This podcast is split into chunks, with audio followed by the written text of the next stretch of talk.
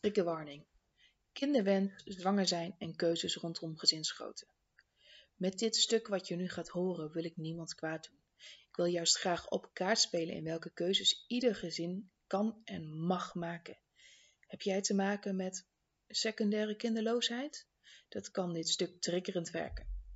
Weet dat ik aan je denk en dat je niet de enige bent die dit doorgaat. Stel me gerust vragen en ik luister graag. Wil je toch niet verder luisteren? Stop dan hier het geluidsfragment. Ik wens je alle liefde van deze wereld.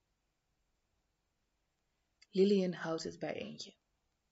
Mijn zoon is mijn eerste en mijn laatste. Zo, dat is eruit. Online dan, want in real life heb ik het al wel vaker gezegd. Vaak stuit ik dan op weerstand. Jij bedenkt je nog wel. Zeg nooit nooit, hè? Ach, dat is wel zielig hoor. Als straks het huis leeg is, dan. Hoe kun je dat nou zeggen? Kinderen krijgen is een zegen. En nog vele andere variaties hierop. En ja, het is een zegen om kinderen te mogen krijgen.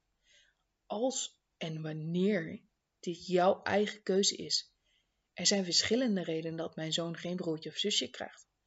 Eigenlijk zou ik geen reden hoeven noemen of hoeven geven waarom wij het zo laten.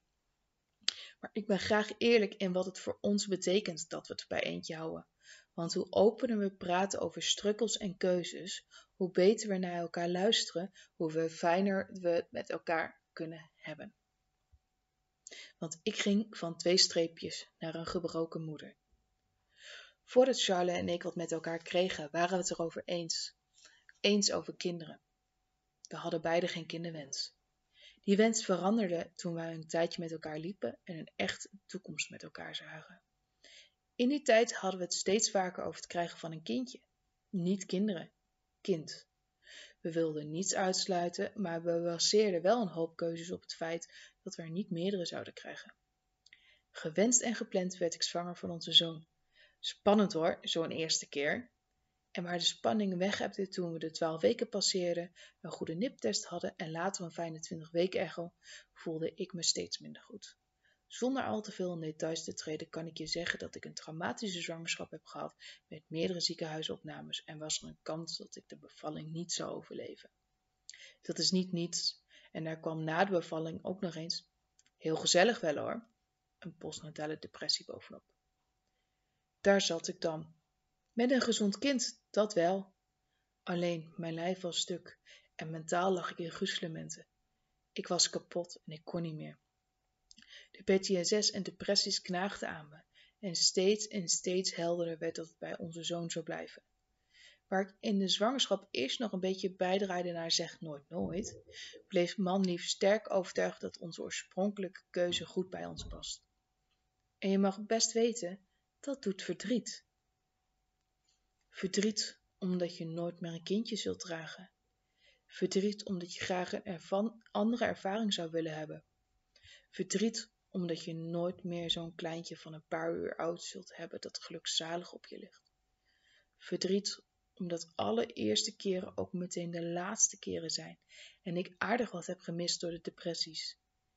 Heen en weer geslingerd worden in het proces, wat eigenlijk gewoon een rouwproces was. Je neemt met deze keuze best veel opties weg, hoe bewust je dat ook doet. Dat moet je verwerken en ik heb daarom gerouwd. Stiekem had ik graag een dochter gekregen. Met deze keuze zou dat er zeker weten niet van komen. Dat doet verdriet en heb ik best een traan om. Het meeste verdriet komt echter niet vanuit mezelf, maar van de buitenwereld. Het onbegrip.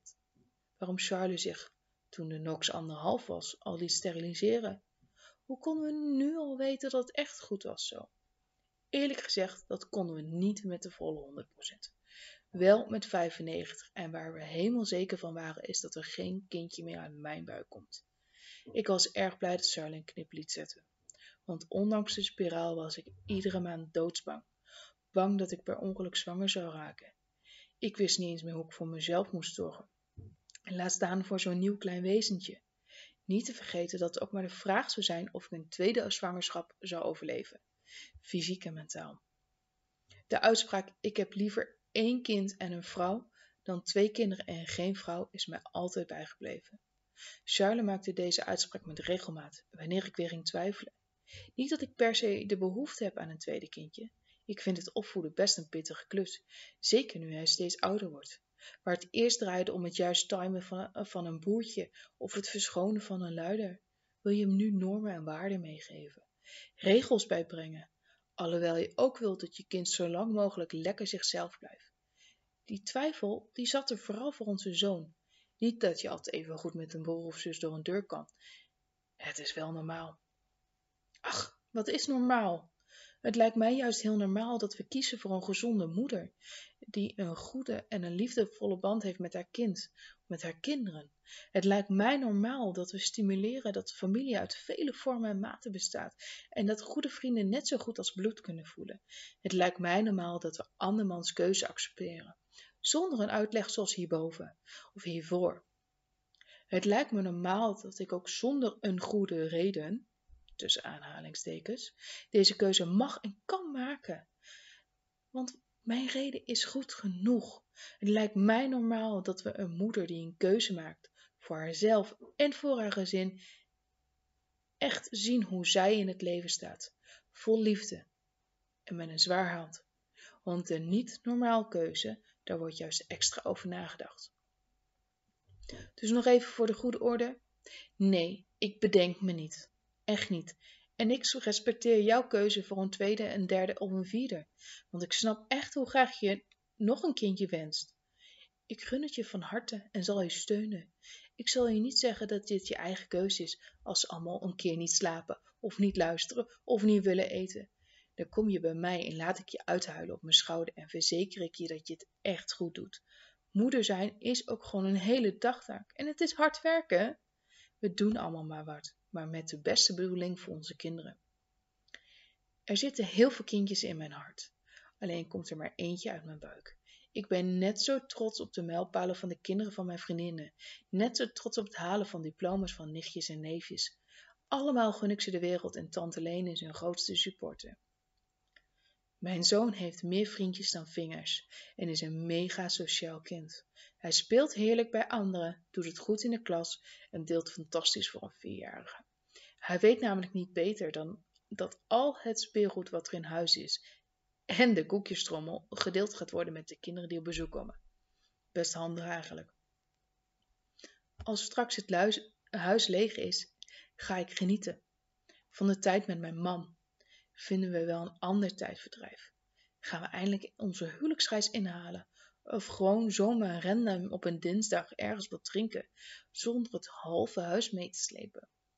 Oeh, en wie weet ga ik dan ook vaker in mijn eentje weer op stap en haal ik tijd met vriendinnen in. Het lijkt me best luxe. Nou, dit zeg ik ook allemaal niet makkelijk, want het leven is niet gemakkelijk. En keuzes maken al helemaal niet. En kinderen krijgen is zeker fantastisch. Een levende moeder hebben ook. En als ik het zelf in de hand heb, bied ik mijn zoon nog heel graag en heel lang een moeder aan zijn zijde. Lang verhaal kort. Ja, mijn zoon is en blijft enigst kind. En om welke reden jij het net zo doet of juist anders, laten we elkaar steunen. Want wij moeders, wij moeders zijn een topcommunity als we elkaar helpen.